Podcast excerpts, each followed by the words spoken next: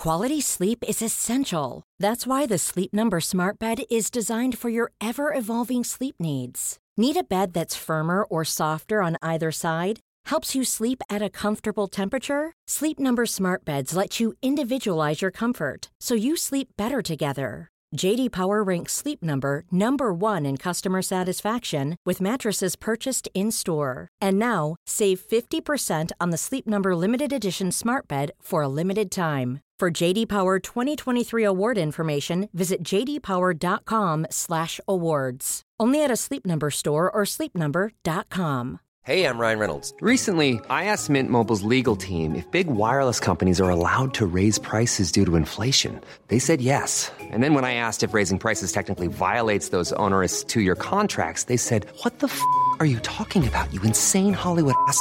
So to recap, we're cutting the price of Mint Unlimited from $30 a month to just $15 a month. Give it a try at mintmobile.com slash switch. $45 upfront for three months plus taxes and fees. Promo rate for new customers for limited time. Unlimited more than 40 gigabytes per month. Slows. Full terms at mintmobile.com.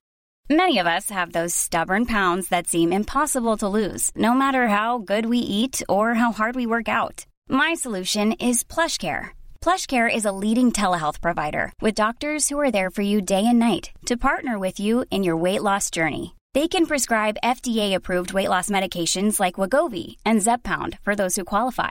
Plus, they accept most insurance plans. To get started, visit plushcare.com slash weight loss. That's plushcare.com slash weight loss. Many of us have those stubborn pounds that seem impossible to lose, no matter how good we eat or how hard we work out. My solution is PlushCare. PlushCare is a leading telehealth provider with doctors who are there for you day and night to partner with you in your weight loss journey. They can prescribe FDA-approved weight loss medications like Wagovi and Zepbound for those who qualify. Plus, they accept most insurance plans. To get started, visit plushcare.com slash weight loss. That's plushcare.com slash weight loss. I'm amazed how many people own stocks. They, they would not be able to tell you why they own it. They couldn't say in a minute or less why they own it. Actually, you really press them down, they'd say the reason I own this is the sucker's going up. There's enough cash in the financial system, and there's an infinite amount of cash at the Federal Reserve. An infinite amount Put of cash. Put that check in a money market mutual fund. Then we'll reinvest the earnings into foreign currency accounts with compounding interest, and it's gone. So they had to do something. All they had left was just to print money and start buying things. And that's what they did. Quick buck artists come and go with every bull market, but the steady players make it through the bear market. They say money can't buy happiness. Look at the fucking smile on my face. Hej och välkommen till ett nytt avsnitt av Market Makers. Hur är läget med dig Fabian? Har du fått jobbet som Avanzas vd eller? Jag såg eh, idag nämligen att eh, Rickard Josefsson skulle avgå som vd inom eh, ett år drygt. Är det en till kokainskandal eller är det något helt annat? nej, jag vet inte. Det var du som sa det Fabian. Det var inte jag som sa det. Eh, nej, jag vet inte. Han har väl tröttat. Han har ju varit i bolaget i eh, nästan 40 år. 37 år tror jag det stod som eh, operativ i bolaget på något sätt. Och senaste åren som vd. Så att, eh, det kan man väl för, förstå. Man har ju hört att det bästa sättet att få upp sin eh, månadslön är ju att byta jobb. Och han skriver ju på Twitter varenda månad inför den 25 att nu ska man månadsspara igen. Så att det låter ju som att det är lite knapert för Avanzas vd. Eh, det är inte som några andra börs som knappast behöver månadsspara. Ja, det, det känns väldigt svenskt när du har en vd på en bank som fortfarande sitter och månadssparar. Eh, lite annorlunda för grabbarna på City och Goldman kan jag tänka mig. Nej, jag tror att han tjänar någonstans mellan jag tror det var 8 miljoner per år eller någonting, varav 3 miljoner till pensionsavsättning. Så jag, jag, förstår att han behöver månadsspara lite grann så han har råd att renovera köket kanske inom något år. Det är väl en helt okej lön. Det är väl snittet i Sverige ungefär nu för tiden kan jag tänka mig. För, om man jobbar inom privat sjukvård i alla fall. Ja, exakt. Nej, nej, vi får hoppas att eh, Rickard Josefsson hittar något annat roligt att göra och att de hittar en ny bra vd. Man får väl ändå, nu har ju Avanza varit lite blåsväder får man väl säga de senaste åren. Det är många som har klagat på växlingsavgifter och, och källskatt och det ena och det andra. Men man får väl ändå säga att han har, han har väl gjort ett bra jobb som vd känns det som i alla fall. Vet du vad jag stör mig på så mycket? Det är för vi lägger ju upp den här Twitterfonden eh, som i stort är katastrof. Det är alltså verkligen brinnande skräp. Uh, inte den... vårt fel måste jag säga, utan det är Twitters Nej, det är fel. Inte, det är inte vårt fel, det är Twitters fel och alla som följer oss. Uh, eller de som röstar, rättare sagt, de som väljer att rösta. Men det går, det går liksom inte att liksom korrekt välja datum du vill kolla på på den här grafen. Där du kollar... Nej, precis. Det där har de ju pajat efter att de uppdaterade eh, till liksom en lite modernare look. Så funkar ju inte de här graferna korrekt längre. Det är jättestörigt. De har ju även faktiskt, apropå det, jätteproblem också med att eh, när man gör uttag ur sin portfölj, eh, tror jag även insättningar antagligen då påverkar också, så stör ju det ut eh, utvecklingen i grafen. Så att det, man kan få jättekonstiga effekter. Ja, där hörde ni gott folk. Årets blankning är Avanza. ja, nej, det känns ju faktiskt eh, lite konstigt att man inte kan få ordning på sådana saker. Och, eh, ja, men du, vi ska inte prata mer om Avanza idag. Däremot ska vi prata om Stockholmsbörsens mest blankade aktie. kommer vi göra. kommer toucha lite på, det är nämligen SBB. Jag vet inte knappt om jag vågar prata om det. Det känns som att vi kommer få väldigt mycket arga mejl. Eh, vi ska prata lite Upsale, CRM-försäljaren som kommer tråkiga rapporter i veckan. Eller tråkiga siffror ska jag säga, det var inte en rapport. Eh, kommer även citera lite gamla gubbar, precis som vanligt. Och eh, sen har du ett special situation case. Ja, det är en gammal Widowmaker-aktie som man hört om år ut och år in. Ingen har någonsin kunnat tjäna pengar på det. Kanske nu som är dags. Det är nämligen Millicom vi ska prata om. Ja, nu kommer Fabian in med sina guldbyxor och, och ska lösa det här caset åt oss. Låter som ett kanonavsnitt i alla fall. Men innan vi hoppar in på det så ska vi påminna om att det inte är någon rådgivning eller rekommendation. Vi berättar vår process, hur vi tänker, gör alltid en analys och glöm aldrig att alla investeringar är förknippade med risk. Och jag tänker att vi kanske kan börja med att hoppa in med vår sponsor Affärsvärlden. Vi sponsras ju av Affärsvärlden, fantastiska affärsmagasinet, som bland annat publicerar en enorm mängd analyser varje år som är väldigt bra. Och vi brukar ju lyfta lite spännande analyser därifrån och jag var väldigt sugen den här veckan att prata om bastubolaget Harvia. Eh, enbart för att de hade rubriken “Svettig sits” på sin Harvia-analys. Jag tyckte det var roligt av Affärsvärlden. Men eh, istället tänkte jag, titta på, tänkte jag titta på deras analys av SAS-bolaget Upsales som släpptes faktiskt idag den 4 april. Det här spelas in den 4 april ska jag säga, men vi släpper på torsdag den 6 april. Det beror på din resesituation. Men Upsales då? Ja, de kanske man känner till sedan tidigare. De sysslar med CRM-system som det heter, det vill säga egentligen hantering av sina kunder. Ett kundhanteringssystem och ett säljsystem kan man säga. Och det här bolaget har gått jättebra. De har en otrolig track record. 79 kvartal i rad med tillväxt. Det är ganska otroligt ändå. Ja, det är helt okej. Helt okej. Jag tänkte på det. Vi du pratade i förra veckan om David Einhorn var ju med i Invest Like the Best, en fantastisk intervju med en fantastisk investerare. Och då pratade de bland annat om en fråga var, vad betyder egentligen kvalitet? För man pratar ju ofta om kvalitetsbolag och sådär. Då pratade, frågade de honom, vad, vad betyder egentligen kvalitet för det? Hur skulle du definiera det? Och han hade det väldigt, väldigt, väldigt, väldigt enkelt. Sa han ju att ja, men kvalitet för mig, ett kvalitetsbolag, det är ett bolag som, åt, som uthålligt kan upprätthålla hög tillväxt på kapital. Det tyckte jag var en ganska bra faktiskt, definition av kvalitet. Och det får man då säga ändå att Upsales haft, om man haft 79 kvartal i rad med tillväxt. Eh, aktien är upp 200 procent senaste tre åren, vilket mer än väl kompenserar för den här svaga utvecklingen man haft senaste året och framförallt senaste veckan. För aktien har sjunkit 20 procent nu på en vecka, som femtedel av börsvärdet utraderat, på grund av att de här återkommande intäkterna man har sjunker för första gången någonsin. Och det här är lite intressant. Aj, aj, aj. Eh, under 2022 växte man väldigt bra, 30 procent växte man. Och det ligger typ i de, de, eh, den här raden senaste åren också, så att snittet är drygt 20 procent kanske kaggar. Men med lite ökad fart de senaste åren. Och man har en stark bruttomarginal på nästan 70 procent, vinstmarginal kring 17 procent. Eh, men så är det det här med då ARR, alltså deras återkommande intäkter. Efter varje kvartalsslut så redovisar man hur de återkommande intäkterna, eller ARR som jag kommer säga, då, har utvecklats det är liksom det som är grejen med SAS-bolag, att man vill ha återkommande intäkter. Det är därför de har höga multiplar, för att de återkommande intäkterna är ju väldigt sticky, liksom, de finns kvar. Eh, men nu sjunker ARR under Q1 2023 med drygt 4 miljoner kronor. Det kan jämföras mot att när man normalt sett växer kanske i det kvartalet med 5 miljoner kronor. Så har det sett ut de tidigare kvartalen. Eh, varför då sjönk aktien så kraftigt på det här? Ja, men dels såklart är det väldigt jobbigt. Man bryter en, en streak med 79 kvartal i rad.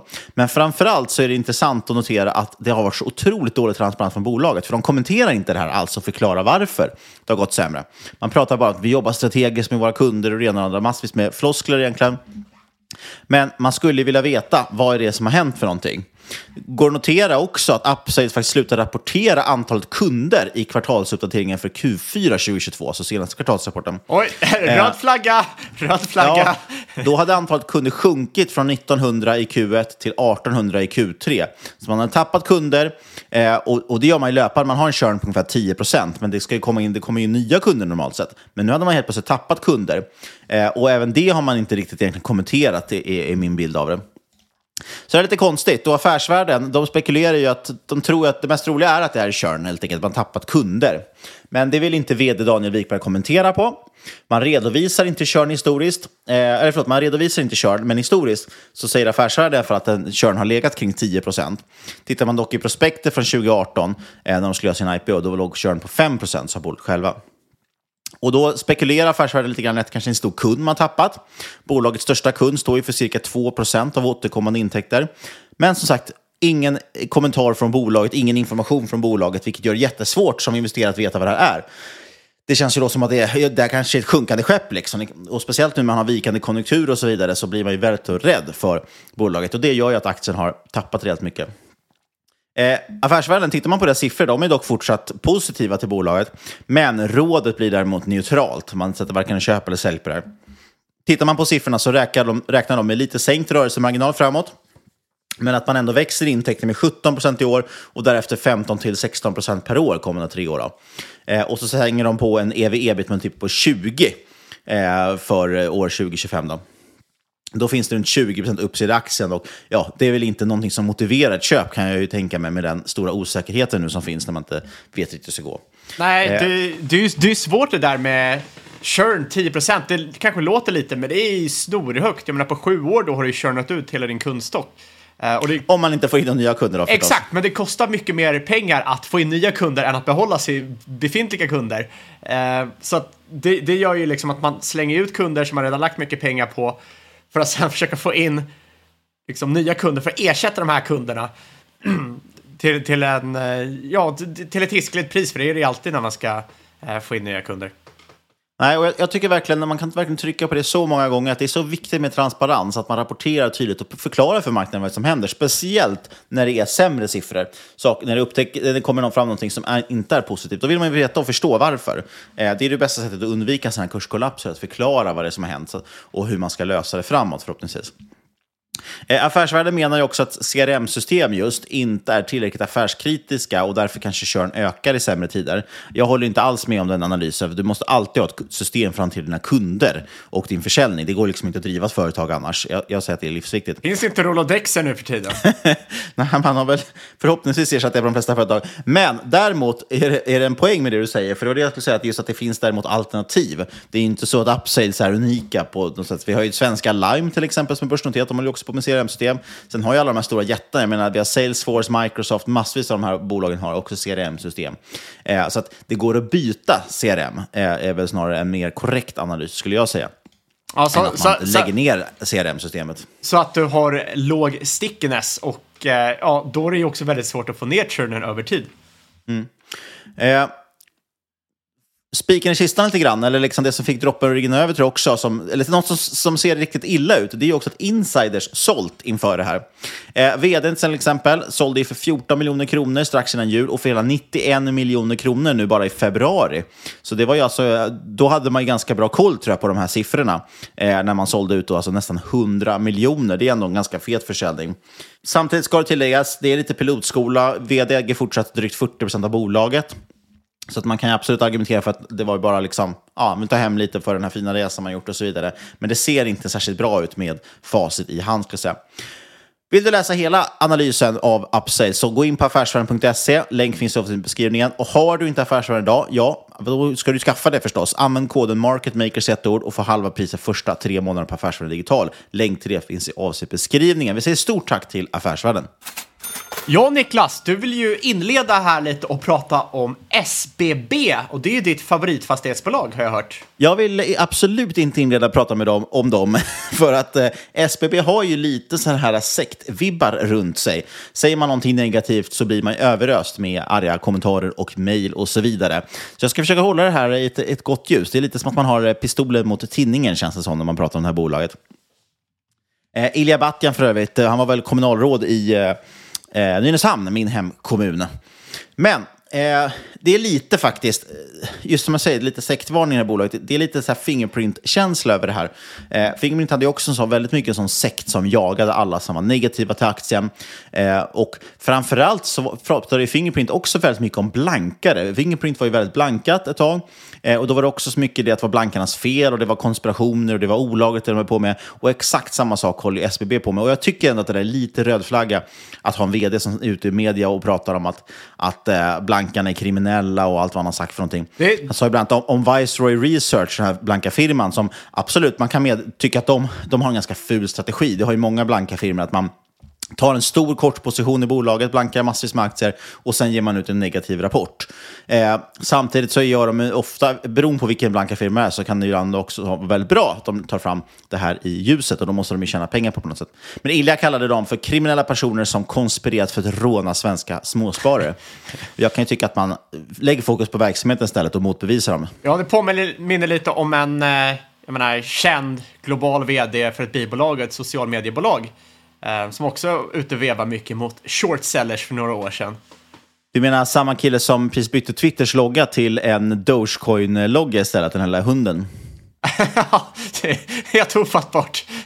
ja, Ja, det är faktiskt otroligt. Äh, vad, vad är oddsen på att han eh, köpte på sig en jäkla massa Dogecoin innan det och sen eh, bytte? För att Doge gick väl upp 30% på det. Apropå konspiration, jag är övertygad om att Elon Musk faktiskt jobbar väldigt mycket med att köpa Dogecoin och sen skriva om det på Twitter. För varje gång han skriver om det eller gör någonting så går han ju upp, som du säger, 10-20 procent. Och nu när han bytte hela loggan på Twitter till en Dogecoin-logga, ja då gick ju, sköt den ju till månen så att säga.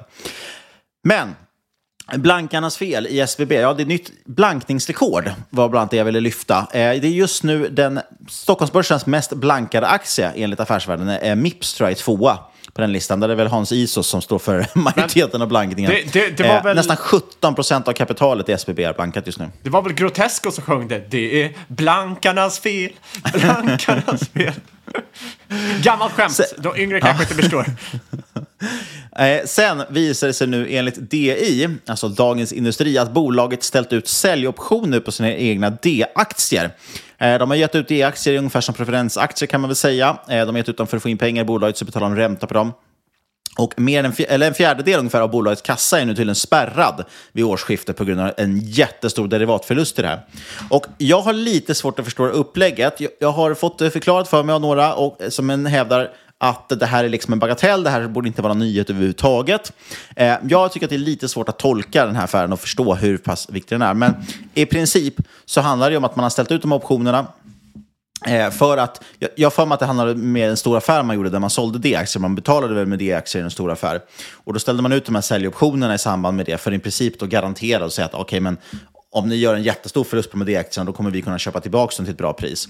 Eh, och nu har ju liksom det aktien har sjunkit väldigt mycket, eller det här priset har gått ner väldigt mycket. Eh, och då menar, vad jag har fått för, förklarat för mig så menar det att nej, men det här är väl inte konstigt än valutakursförluster. Eh, men mitt, det känns ju spontant då som att men valutakursförluster är ju, ett, är ju fortfarande en förlust. Alltså det är fortfarande ett problem. Så jag vet inte, vi får väl se hur det utvecklas. Jag tyckte i alla fall det var väldigt märkligt och jag hade inte sett upplägget innan, men, men det kan ju vara jag som inte bevandrade i den här finansiella ingenjörskonsten. Och apropå ingenjörskonst, så har man ju, eller finansiell ingenjörskonst, så har man ju också nu pratat i SBB sen ett tag tillbaka om att kanske ge utdelning i aktier istället för pengar. Känner du igen det här upplag, upplägget från ett annat börsbolag? Ja, det är väl fan eh, många bolag som har hållit på att göra, göra lite, lite halvskeva grejer. Ja, men det är ju många bolag som har gjort nyemission och samtidigt gett utdelning. har det ju varit, och Det är ju ett helt idiotiskt upplägg. Men däremot, det här istället är att man ska betala utdelningen med nytryckta aktier. Eh, det var ju H&M som föreslog samma sak för några år sedan. Fantastiskt. Eh, och då kallades det ju för en förtäckt nyemission. Vilket det gör, för att man trycker alltså nya aktier så du späder ju ut och du... Ja, istället dock för att du tar in pengarna så, så, eh, så, så, ja, så, ger du ju, så sparar du ju pengar genom att ge ut aktier istället. Men det blir ju mer eller mindre en nyemission för att du tar ju då utdelningen och behåller den själv. Utan att säga det så att säga. Eh, H&M gick ju aldrig igenom med det där, men nu har Ilja Batljan pratat om att göra samma sak i SBB. Och det här är lite konstigt upplägg, för det blir ju en utspädning. Det är ju en nyemission du gör. Eh, och framförallt är det lite intressant att, jag menar, Ilja Batljan lär ju antagligen behöva sin utdelning själv i cash eftersom han har ganska mycket betal, eh, privata lån och så han måste betala ränta på. Om in, han inte tar nyemissionen eller nytryckta aktier, då späder han ju alltså ut sig på ett sätt som inte kanske syns för småspararna eller för de privata, eh, de andra investerarna i bolaget. Ja, men han är väl som alla fastighetsbaroner och är ju toklevrade. Ja, han är väl den, Eh, han är den som är mest levrad av alla faktiskt, har varit extremt aggressiv, vilket har varit, gett goda resultat när räntorna var låga, men vi har ju haft så snabb svängning i räntor att det har inte blivit så bra för honom just nu. Och jag, jag tycker i alla fall det är lite intressant. Oavsett vad man tycker om de här olika uppläggen så är det ju, eh, man kan hylla det som innovativt och lite spännande och att det är något nytänkande. Eh, men framförallt tycker jag att det är det lite stora problemet som jag ser att det är den, här, alltså den här aktien är en av de mest ägda på hela Stockholmsbörsen. Under 2022 till exempel såg jag att Avanzas kunder la in mer än en femtedel av sitt köpande, alltså en femtedel av sina sparpengar man stoppar in, la man i SBB. Det är alltså en av de mest populära aktierna på hela Stockholmsbörsen. 218 000 ägare bara på Avanza. Aktien är 65 senaste året och 20% sedan årsskiftet. Dessutom, eh, jag tycker liksom att det är lite konstigt, man har så mycket småsparare och så också, att man håller på med de här märkliga uppläggen som är väldigt svårförstådda även för folk som är insatta. Eh, och det känns liksom inte riktigt bra tycker jag. jag och jag, jag tycker att man, förstår man inte de här uppläggen så ska man absolut inte äga aktien. Eh, och på det här dessutom som, så vann bolaget Nordnets stora spararpris 2023 i kategorin Årets investerarkommunikation. Och Det är intressant. Det finns säkert jättebra skäl till att de vann det. Men någonstans känns det som att man kanske skulle också... Det finns mycket saker man skulle kunna kommunicera bättre om, tycker jag, i det här bolaget. Det är väl kontentan. Ja, eh, all, all, allmänt, hela den här grejen med att spara i aktier är ju jäkligt vrickat. Eh, hela, hela det här tankesättet som var superpopulärt senaste tio åren. Visst, spara, liksom, lägga undan pengar i fonder, eh, men det är investering i slutändan. Eh, spa, spara har ju liksom en liten annan betydelse. Att du har en annan, du har en liksom, an, annan typ av risk. Eh, sitta och spara, i, speciellt i högleverade aktier, där det kan smälla. Det är inte riktigt samma sak som att sitta och spara i ett sparkonto, även om du kanske förlorar lite pengar till inflation. Nej, och med men sagt, skicka inga arga mejl. Jag, jag har eh, inget intresse i SBB. Jag är varken kort eller lång. Ja, vi, får, vi får kolla nu. Ilja han följer väl både dig och mig på Twitter. Han kanske till och med Ja, lyssnar på podden. det- Vi får se om vi får några arga mejl från honom. Eller om han till och med Vi får se blockar. om det försvinner. Han har gjort en otrolig resa, det får man väl i alla fall säga. Från sosse till, till ultrakapitalist. Det är ju perfekt. Ja, och vi hoppar vidare. Vi kommer tyvärr dock återkomma lite till SBB. Men vi hoppar vidare här, för att det var ju Sven-Olof Johansson. Han är ju vd för Fastpartner. Eh, tyckte det var intressant vd-ord i, hans, i årsredovisningen där, där han, för han pratar ju en del makro och sådär, framförallt kommenterar kring ränteläget, vad han tror och tänker där. Eh, just för att det är ju så pass viktigt för ett fastighetsbolag att ha koll på ränteläget. Liksom. Eh, och han konstaterar väl egentligen samma sak som vi och han själv och många, många andra har sagt under lång tid nu, att det är otroligt egentligen hur centralbankerna världen över kunnat köra liksom, kvantitativa lättnader, noll och minusräntor. Och det har varit väldigt oansvarigt i sig, men sen blir det nästan ännu mer tydligt hur oansvarigt det har varit när vi så snabbt sen ställt om till mycket högre räntor eh, relativt till vad vi hade innan. Eh, och det är liksom, systemet funkar inte riktigt för det. Eh, det. Saker och ting går sönder som vi ser nu. Vi ser de effekterna av den här snabba omställningen i till exempel bankkollapser som vi har haft nu, riskkapital som torkat upp, det var det första skulle jag säga vi såg. Eh, vi får jättestora nedskrivna förvärv som har gjorts till för höga priser. Jag menar, det ser vi nu till exempel. Eh, jag såg idag kom det också en nyhet om Richard Branson, hans Virgin Orbit gått i, har gått i konkurs, det här rymdbolaget som köptes upp via en SPAC för 3,7 miljarder dollar bara för något år sedan och nu är det värdelöst. Eh, andra, liksom, det här med, med SBB som jag pratade om, de här säljoptionerna, säkert ett, ett bra och smart upplägg av massa anledningar för att kunna kränga ut D-aktierna, men det har liksom funkar inte riktigt när räntorna sen sticker iväg och fastighetsaktier och preferensaktier eh, störtdyker. Då, då liksom funkar inte sånt upplägg. Och samma sak Silicon Valley Bank. Eh, funkar inte att sitta på massa räntepapper eh, om räntorna sen stiger alldeles för mycket. Ja, vad, som man brukar säga, risk without return. Ja, men verkligen.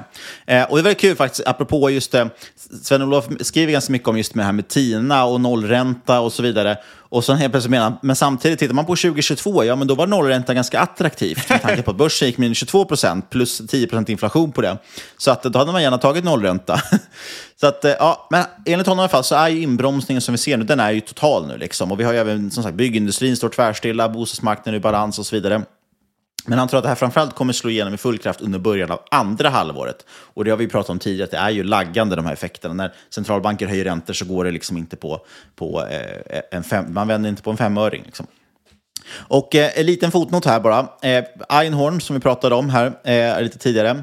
Jag tyckte det var kul, eh, i den här intervjun som du nämnde förra veckan så pratade han ju också om det här med att eh, noll och minusränta, det går in i hans jelly donut-teori. Eh, kommer du ihåg den? Vill du förklara den? Eh, Eller ska jag dra den? Ja, du, du, du kan ju dra den för jag ser här att du verkligen vill. Eh, men jag, jag, det, det, det, det är en fantastisk teori för att förklara verkligen varför liksom, nollräntemiljö inte är optimalt, även om man, liksom, när man är i stunden så kanske det känns väldigt bra. Men precis, en, en syltdonut helt enkelt. Det är ju gott att käka den första. Det är ju jäkligt gott. Den första tuggan är underbar. Eh, resten av den första donuten är ganska god. Och det är liksom att man börjar sänka räntorna lite grann. Och det gör ju att folk då investerar mer. En fabrik som tidigare kanske inte var riktigt lönsam, helt plötsligt nu går det att motivera den för räntorna är lite lägre. Så man bygger ut, man, folk köper lite dyrare hus, man investerar mer. Saker och ting blir helt enkelt bättre när man sänker räntan lite grann. Och det är gott att äta den där första syltmunken. Men nästa syltmunk är ju inte lika god. Och smäller du på tre, fyra, fem stycken, helt plötsligt börjar det, alltså, så mår det ju bara illa. Eh, och det är precis det egentligen man får, den effekten man får när man sänker räntorna för mycket. Och han menar också på just att ja, sänker man från exempel 10 till 8 procents ränta, då, då gör det stor skillnad. Från 8 till 6 procent, ja, inte lika stor skillnad, men kanske någonting. Men har du sänkt hela vägen ner till 1 procent, vad gör det då för skillnad att sänka ytterligare 1 procent ner till noll? Det, liksom, det ger ingenting de här sista procenten, precis som att det inte ger någonting att trycka i sig den tionde, elfte syltmunken. Och därav borde man ha slutat mycket tidigare. Det är inte så att folk köper mycket dyrare hus för att man sänker liksom 1% till. Eh, och han menar också lite då att det kanske är därför amerikansk ekonomi sett ut att må så bra nu faktiskt, när man, trots att man har höjt räntorna. För att det helt enkelt är lite mer hälsosamt och inte pressa i sig syltdonuts hela dagarna. Man kanske har en annan lite mer hälsosam diet nu. Men tillbaka till då Sven-Olof. Och det han menar just är ju att problemet är att det har gått så fort. Alltså, det tar lite tid för kroppen att ställa om från, från 100% syltdonuts till inga syltdonuts. Man kanske skulle ha trappat ner på syltdonutsen. Nu har vi den här väldigt socker-detox vi håller på med, eller socker-abstinens. Liksom eh, inte Sven-Olofs ord. Men det är väl så man kan koppla det till den här syltdonut-teorin. Eh, Men det är intressant i alla fall att han nämner nu att snabb, hur snabbt ändå priserna kommer ner nu. Och det kommer nog börja snart få effekt på inflationssiffrorna och därmed ge lite lösare tyglar till Riksbanken. Eh, många viktiga produkter som naturgas, fraktkostnader, spannmål, gödsel och så vidare ner mellan 50 till 85 procent senaste året. Vi ser även att elpriserna nu äntligen verkar ha kommit ner och är nere på lite mer normala nivåer nu, runt 30-50 öre per kilowattimme som vi är vana med sedan tidigare. Enda egentligen stora problemet som man ser i Sverige tycker jag just nu, det är ju den här svaga kronan och som bara blir värre när man höjer räntan eftersom då blir ju bostadsmarknaden ännu mer instabil och hela Sveriges ekonomi bygger egentligen på bostadsmarknaden och då är det ännu färre som vill ha kronan. Eh, men nu dessutom, något som också ytterligare borde hjälpa liksom inflationssiffrorna att komma ner, det är att livsmedelsbutiken äntligen har börjat sänka priserna. Eh, Ica höjde jättemycket, Coop höjde eh, och det har ju varit liksom lite häxjakt efter de här. Och då kom ju Lidl på att den absolut bästa marknadsföring vi kan göra nu, det är att sänka priserna. Så de gick ut och sänkte priserna. Och nu har ju folk rusat till Rider eh, och därför har ju de andra firmorna behövt följa med. Jag såg till exempel att Coop, de sänker ju nu, de körde liksom så att det var ett hälso, ett hälso Eh, tänk. Så man sänker allt frukt och grönt med 12 procent, motsvarande momsen alltså egentligen. Och ICA tvingas ju sänka också. Och en liten sån här lynchning här, jag var ute i helgen så gick vi förbi lokala ICA här, häromdagen. Och eh, så hade de bland annat extrapris på kaffe och, och han i kassan undrade, fanns det någon kaffe kvar eller? Och så berättade han att de hade ökat sin försäljning. De hade gjort massvis med extrapriser nu till helgen. Och då hade de ökat försäljningen med 35 procent i den butiken. Och nu var det flera varor, bland annat just kaffe, lax och lite andra produkter som var i princip slut, alltså helt slut, helt utplockade från hyllorna. Eh, för att folk liksom sp- sprang ner och bara tog allt de kunde när det var extrapris. Ja, det är så det, det, är så det brukar bli när man eh, eh, sätter pristak och liknande. Folk glider ut och eh, köper upp det som finns. Ja, och, och därför tror jag ju som sagt att den strategin som Lidl har är väldigt smart. Alltså för sänker man priserna så säljer man mer helt enkelt. Man kanske får lite sämre marginal, men du säljer ju mer och därmed tjänar du mer pengar också.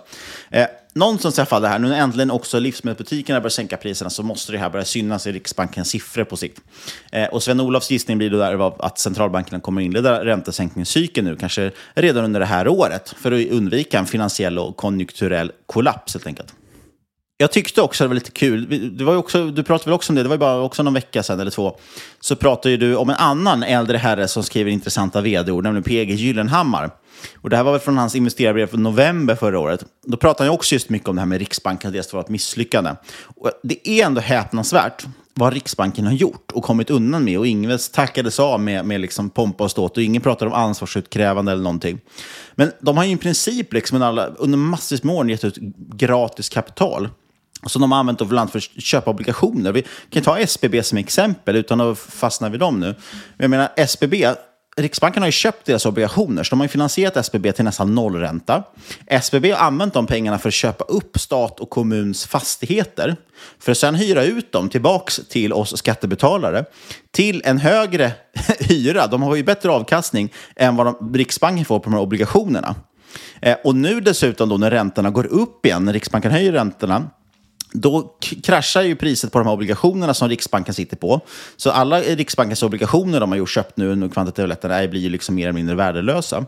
Eh, samtidigt sitter då SPV, då måste ju de höja hyrorna för att räntan är högre. Och det blir ju då skattebetalarna som får betala de här ökade hyrorna samtidigt som vi har förlorat alla de här pengarna på eh, räntepapper som Riksbanken köpt på, för vår räkning det blir man frågar sig lite att det var bättre att behålla de här lokalerna bara. så att man, så man hade kunnat bolta dem själv. Jag ser inte vart vi har tjänat på det här egentligen i slutändan. Jag, jag ser inte riktigt liksom hur det här var en win-win situation. Det känns mest som att det är fastighetsbolagen som har fått gratis finansiering och tjänat bra pengar på det. Ja, och dessutom då som sagt, det som, som jag sa, det som händer nu till exempel med Silicon Valley Bank och så vidare, där obligationer minskat massvis i värde på grund av höjda räntor. Det är exakt samma sak såklart som har hänt med Riksbankens stats och företagsobligationer de har köpt. Sen absolut, de kan hålla dem till maturity, de får ingen bankrun på samma sätt, eller till, eller till maturity heter det i ordet jag letar efter. Eh, de behöver ju inte sälja det för att vi gör en bankrun på Riksbanken. Eh, men snacka om usel kapitalallokering. Och i slutändan kommer det att bli ändå vi skattebetalare som i slutändan betalar notan genom att svenska kronan sagt, åker ner i källaren. Slutligen då, Fabian. Vi fortsätter på det negativa spåret. Det är bra, det, det, det, är bra. Jag vill få tillbaka äh, den här permabjörnstämpeln som vi hade för några år sedan. Jag tänkte också prata lite kort om JP Morgans årsredovisning. Den bjuder också på intressanta makroutsikter. Det kommer ju mycket spännande årsredovisningar om vd-ord som man kan läsa. JP Morgan i alla fall, de sammanfattar dagens ekonomi. Ska vi säga, fokusera, det är fokus USA då förstås. Här. Eh, de fokuserar med healthy consumer, healthy jobs, higher wages, good credit, recovering supply chain, normalized interest, interest rates och healthy businesses. Så det är liksom, ja, vad heter guld och gröna skogar i USA just nu. Låter bra. Vad, vad, vad, vad klagar du på då? Ja, problemet är utblicken. Sen har de en stor pil. Det här är det vi är på väg mot. Och då står det storm clouds ahead. Så det är dåligt väder framöver. Eh, framförallt lyfter man upp, man lyfter upp en mängd saker, men bland annat lyfter man upp just att eh, man tror nu att liksom, konsumentens sparkapital, det närmar sig noll nu. Alltså det kommer vara noll ungefär i slutet på året, för det är det man har behövt knalla av för att kunna finansiera de här högre kostnaderna. Eh, problemet ser man också är att om man fortsätter med quantitative tightening, alltså att strama åt eller penningpolitiken, så skadar det likviditeten, det skadar marknaden, det skadar egentligen, ja, det kommer bli mycket värre för alla helt enkelt. Samtidigt som dessutom regeringen har högre Eh, alltså, finanspolitiken också satsar väldigt mycket pengar, vilket då ja, ger ju budgetproblem. Och man ser det också en higher climate spending, pratar man om. Det, det behövs läggas mer pengar på klimatet, som också då kommer förstås vara negativt för ekonomin. Och det lite obehagligaste är att man skriver “maybe no end in sight”, kanske inget slut i sikte. och det blir lite oroväckande, men någon gång måste ju saker gå över. Det finns ju den här klassiska sägningen, nu kommer jag inte ihåg vilken romersk kejsare det var, men som alltid fick viskat sitt öra att “this too shall pass”, alltså det här kommer också att gå över. Så det får man väl se som det lite positiva, att även den här krisen kommer vi väl förhoppningsvis ta oss ur. Ja, förhoppningsvis. Det brukar ju vara så, men man vet ju aldrig. Och sen absolut, absolut sista grejen här. Nu har jag pratat årsredovisning. Nu hoppar vi över till punkt nummer tre här i våra tre snabba brukar det heta, men jag har pratat en halvtimme här ser jag på klockan. Slutligen en liten grej bara som inte var kul. Det kom också en nyhet idag om att SaveLend förvärvar Lendify. Börsnoterade SaveLend med fantastiska Ludvig Pettersson som vd. Eh, det jag tänkte bara notera där som var kul, det var vilket otroligt upplägg. Apropå det här med Riksbanken som har finansierat liksom fastighetsbolagen och sen har de kunnat köpa eh, statens lokaler och hyra ut det till staten. Eh, det här var också ett väldigt intressant upplägg för ett köp. För SaveLend betalar inte en enda spänn vid övertagandet av Lendify. Och därför behöver de heller inte ställa ut varken lån eller trycka nya aktier eller så. Det är liksom helt enkelt fantastiskt bara för aktieägarna. Utan istället betalar man förvärvet med en, en form av earnout kan man väl säga. Så man, man ska ta 50% av intäkterna fram till och med 2027 för att betala det här förvärvet. Och det låter ju rätt otroligt att, att få ihop de villkoren. Så med det i åtanke Fabian så tänkte jag nu publikt härmed lägga ett bud på Evolution Gaming. eh, och där jag kommer då betala det här. Eh, jag kommer betala befintliga aktieägare med Evos egna kassaflöde. Jag tänker att jag kan vara lite mer generös än Saveland. Jag kan ge 60 procent av intäkterna per år tills eh, de här aktierna är betalda. Ja, men det låter ju... ni får förstås en schysst premie på det också. Det, det lå- låter, ju, låter ju fantastiskt. Eh, jag, jag, jag, tycker alltid sånt här är intressant när man får så här speciella situationer när man köper upp. då, då kan man alltid ställa sig frågan varför vill inte Lendify ha eh, ett regelrätt utköp? Varför gick de med på det här? Ja, varför tar de inte 50 procent av intäkterna? De får ju 100 procent av intäkterna själva fram till 2027 och vidare om de inte säljer. Eh, e, e, exakt, och eh, fanns det ingen som ville köpa ut bolagets eh, liksom, eh, med lån eller med aktier, utan den enda ville köpa, liksom, som fanns där att köpa ut var till intäkter. Det får mig, mig, liksom, får, får, får, ge mig en tankeställare. Eh, men det är väl soft för eh, Saverlands aktieägare, för det betyder att de kommer gå med ytterligare typ 4-5 år med förlust. Eh, om de eh, ska dela ut liksom, hälften av sina 150 miljoner i intäkter de har om året. Ja, jag tyckte också det var ett spännande upplägg. Men som sagt, det är troligtvis positivt för aktieägarna ändå. Jag tyckte ändå att det var ett intressant sätt att sy ihop en deal på. Beror, beror ju på om det är bra, om det är bra lånetagare på Lendify eller inte. Jag, jag kanske inte har den eh, bästa synen på just Lendify. Nej, men jag tänker att det är ungefär liknande kan jag tänka mig för Saveland och Lendify. Men du, du nämnde ordet speciella situationer där och därmed tänker jag att vi, det lätt, gör att vi glider in nu på dagens huvudcase.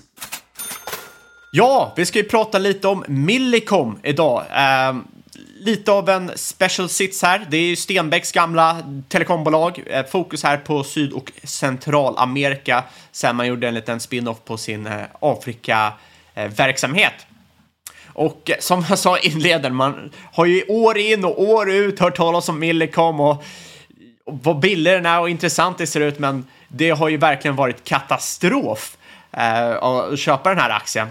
All, all, alla har ju verkligen fått smaka som har varit inne här. Men nu börjar det faktiskt se intressant ut. Eh, just nu, 2023. Och eh, det här kom faktiskt upp på radarn för mig tack vare en blogg jag läste eh, på finanstwitter från en eh, Twitteranvändare som heter Gilmerk. Eh, Gilmer KH. Eh, och det gjorde att jag fick upp intresset för eh, eh, Millicom och började gräva vidare.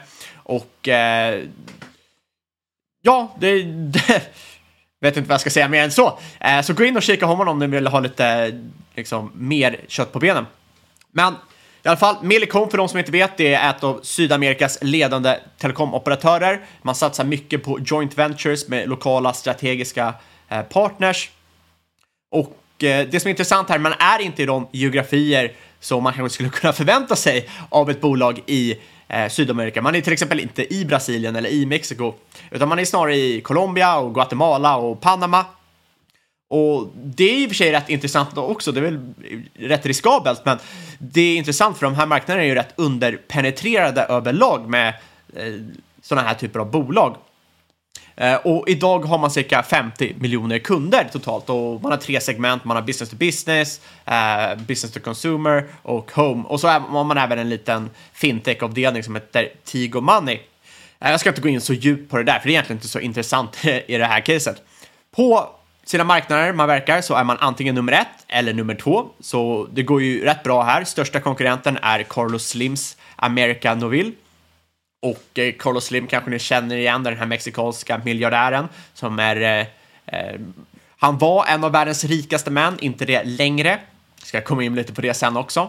Eh, men för 2022 så ungefär 5,7 miljarder i omsättning, dollar alltså. Eh, 2,3 miljarder i ebitda, det vill säga 40 procent i ebitda-marginal som kanske låter lågt, men det är faktiskt best in class för ett sånt här typ av bolag.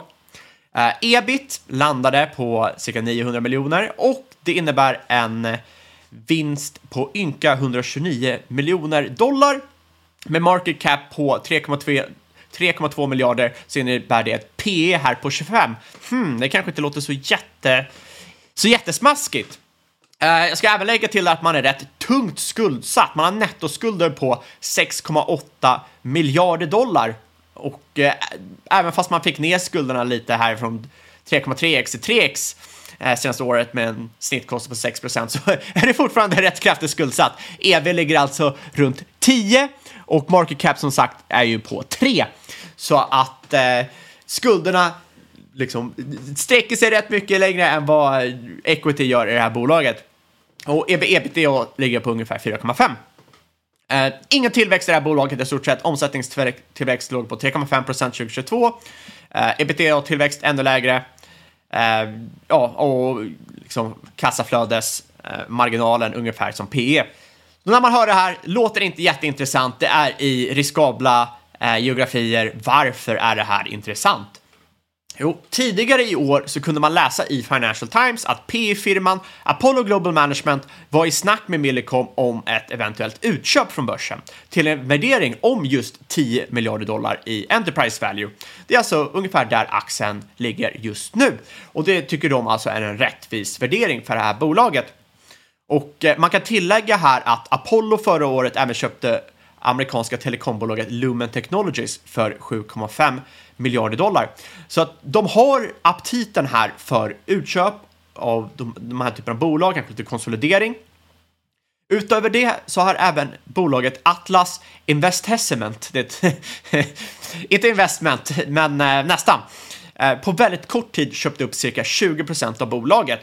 Och det här är alltså ett helt separat bolag och ägaren till Atlas Investment är en Xavier Neal. Men, roligt namn alltså. Det, det, är inte en typo, det heter Investment. Nej, men man kan säga att det är eh, Atlas Investment. Men det är i alla fall, eh, Neil är en fransk multimiljardär och gift med en viss Delphine Arnault. Och eh, ni kanske känner igen... Släkt med världens rikaste man antar jag? Ja, det är till och med hans dotter. Till, eh, dottern till världens rikaste man. Jag såg att han... Bernard eh, eh, eh Arnault heter han väl, som är vd för LVMH. Och han klev ju faktiskt om precis Elon Musk, såg jag, som världens rikaste. Och det har egentligen ingenting med caset att göra, men jag tycker att det är lite intressant här att från båda blivit miljardärer på sitt sätt. Å andra sidan, eh, om man är infödd i en miljardärfamilj kanske det är svårt att dejta någon som inte är miljardär. Um, man kan ju ja, fråga Bezos exfru hur, hur det gick för henne när hon gifte om sig. jag måste bara för övrigt, investment är väl alltså franska då för investering? Ja, ja, ja, jo det är det ju. Eh, men eh, jag, jag, försöker, jag gick faktiskt ett år franska när jag gick i sexan eller så, eh, som du kan höra. Eh, men Eh, Neil har i alla fall en lång erfarenhet inom sektorn, äger bland annat eh, Iliad som är en europeisk telekomoperatör med cirka 50 miljoner användare. Så på varsin sida här har vi alltså två jättar som potentiellt kan vilja köpa ut Millicom och visat intresse. Ja, Atlas har ju uppenbarligen gått in och köpt cirka 20 procent av bolaget så att de är väldigt intresserade av just Millicom. Och det finns ju såklart synergier här och, och framförallt så kan det vara intressant att köpa en nedtryckt jätte som är marknadsledare i Sydamerika om man också har andra bolag i telekomsektorn. Utöver det här så håller bolaget på att städas upp just nu. Eh, man fokuserar väldigt mycket på att eh, separera till exempel infrastruktur och fintech från kärnverksamhet, eh, från kärnverksamheten, vilket kan låsa upp värde. Bland annat ska man göra en så kallad carve-out för sina 10 000 telekomtorn och bara det här värderas till cirka 1,5 miljarder dollar och det är cirka 40 procent av market capet. Och man ska såklart ta en sån här värdering med en nypa salt, men det visar ju vilka inneboende värden det finns i de här telekombolagen som de har lagt så mycket investeringar på att bygga upp infrastruktur. Så på ena sidan här i caset så har vi ett potentiellt uppköp och på andra sidan har vi en renodling av en verksamhet eh, som bidrar med värdeskapande för aktieägare. Så just nu ligger ev-ebitda på 4,5. Men kollar man historiskt på sådana här typ av utköp i de här geografierna så ligger det snarare på 5-6. Eh, och det är rabatt mot resten av världen för att det är lite skumma områden. Eh, men skulle man då se till exempel uppköp eller uppvärdering till 5-6, ja då innebär det en uppsida på cirka 50 till 100 procent i det här caset. Och eftersom att liksom Apollo visat intresse för de här nivåerna och Nils, han, ja, han sitter ju och köper i marknaden på de här nivåerna. Så känns det ju som nedsidan är desto mer cappad, även om uppköpet kanske inte går igenom i närtid. Ja, superintressant. Och aktien är faktiskt upp över 40 procent sedan årsskiftet. Så det är ju kul att det äntligen rör sig på den här aktien som så många har, som du säger, gått och väntat på länge. Det finns några sådana aktier som, som man alltid pratar om, som tänker, nu ska det hända och det händer inte. Men nu verkar det kanske hända då för Millicom. Och, och väldigt intressant eh, situation här med, med ägarbilden, måste jag säga. Ja, verkligen. Eh, så att eh, äntligen kanske det händer för Millicom. Eh, annars får jag väl eh, eh, sitta här och tigo istället för tiga, för, det, för det är ticken om ni är intresserade. Tigo. Ja. Talar silver, Tigo är guld. Exakt, det var bättre. Jag är inte lika klipsk. Ja, och för transparensens skull Fabian, äger du några aktier i det här? Jag gör inte det, ska tilläggas. Ja, jag, jag äger en liten skvätt, du vet, sådana här special situations, så kommer säkert gå åt helvete, eh, som det har gjort de senaste åren, någon för folk som har ägt Tigo. Man kan komma tillbaka i så kommer det handlas i 50 kronor, och så kommer man tänka, vad fan tänkte jag? Ja, men det är bra. Du har, du har tagit en corner här och också plockat 20 procent av bolaget. Ja, exakt, exakt. Inget av den här podcasten ska ses som rådgivning. Alla åsikter, varenda eller gäster av eventuella sponsorer tar inget ansvar för det som sägs i podden. Tänk på att alla investeringar är förknippade med risk och sker under eget ansvar. Vi vill rikta ett stort tack till vår sponsor Affärsvärlden. Kika in länken av i beskrivningen, använd vår kod MarketMakers i ett ord och då får du helt enkelt halvpriset första tre månaderna på Affärsvärlden Digital. Och det är väl värt att göra det, för de har väldigt mycket bra analyser, spännande portföljer man kan följa och så vidare. Det är riktigt bra eh, tidning helt enkelt. Och kontakta oss på podcast at marketmakers.se eller på Twitter och eucaps at marketmakerspod. Och den här veckan har Wicked Gaming AB och Creturner Group anslutit sig på eucaps, så in och kika på det. Och glöm inte lämna en recension på iTunes så att vi stiger i listorna och fler börjar lyssna. Och sist men absolut inte minst, stort tack kära lyssnare för att just du har lyssnat. Vi hörs igen om en vecka.